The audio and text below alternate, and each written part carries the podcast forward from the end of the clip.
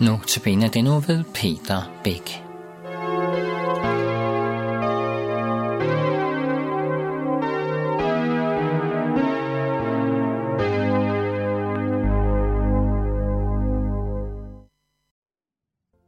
Velkommen til Notabene.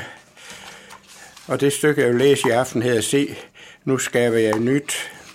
Og det er en svenske forfatter, Bent Plagel, der har skrevet bogen Se, lyt til vinden, Nicodemus.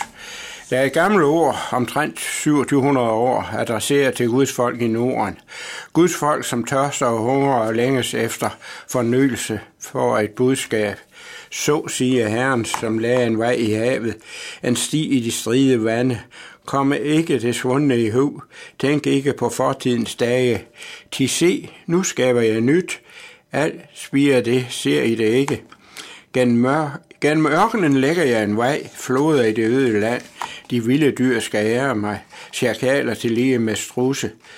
De vand vil jeg give i ørkenen, floder i det øde land, for at læske mit udvalgte folk.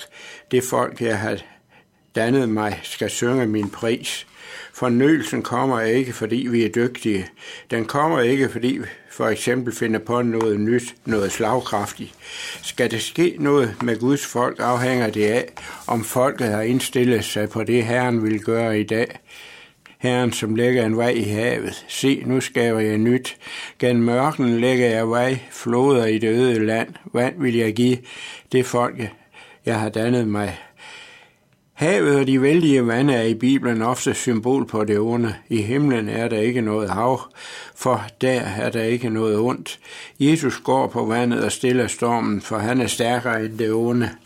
Og de beretninger i Bibelen er nedskrevet for vores skyld. Guds folk kan ofte blive fristet til at tabe modet. Ondskabets vandmasser vil drukne alt levende. Guds folk står ved deres egen form for det røde hav, og alt ser håbløst ud. Man ser tilbage på Ægyptens velforsynede fryser. Man drømmer sig tilbage. Før var alting anderledes, men tænk ikke på fortidens dage. Guds folk skal ikke ligne Lots hustru, den kirke, der ser sig tilbage stivner. Kirken er Guds folk i bevægelse.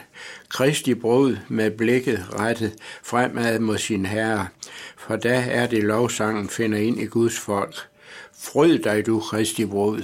Se, nu skaber jeg nyt, siger Herren. Noget nyt i Guds folk i Norden. Det spiger allerede. Ser I det ikke? Ser I ikke, at Guds folk begynder at nærme sig det punkt, hvor det ikke længere slår til at være dygtig? Ser I ikke, at Herren leder sit folk til det røde hav for at åbenbare sin magt og herlighed der?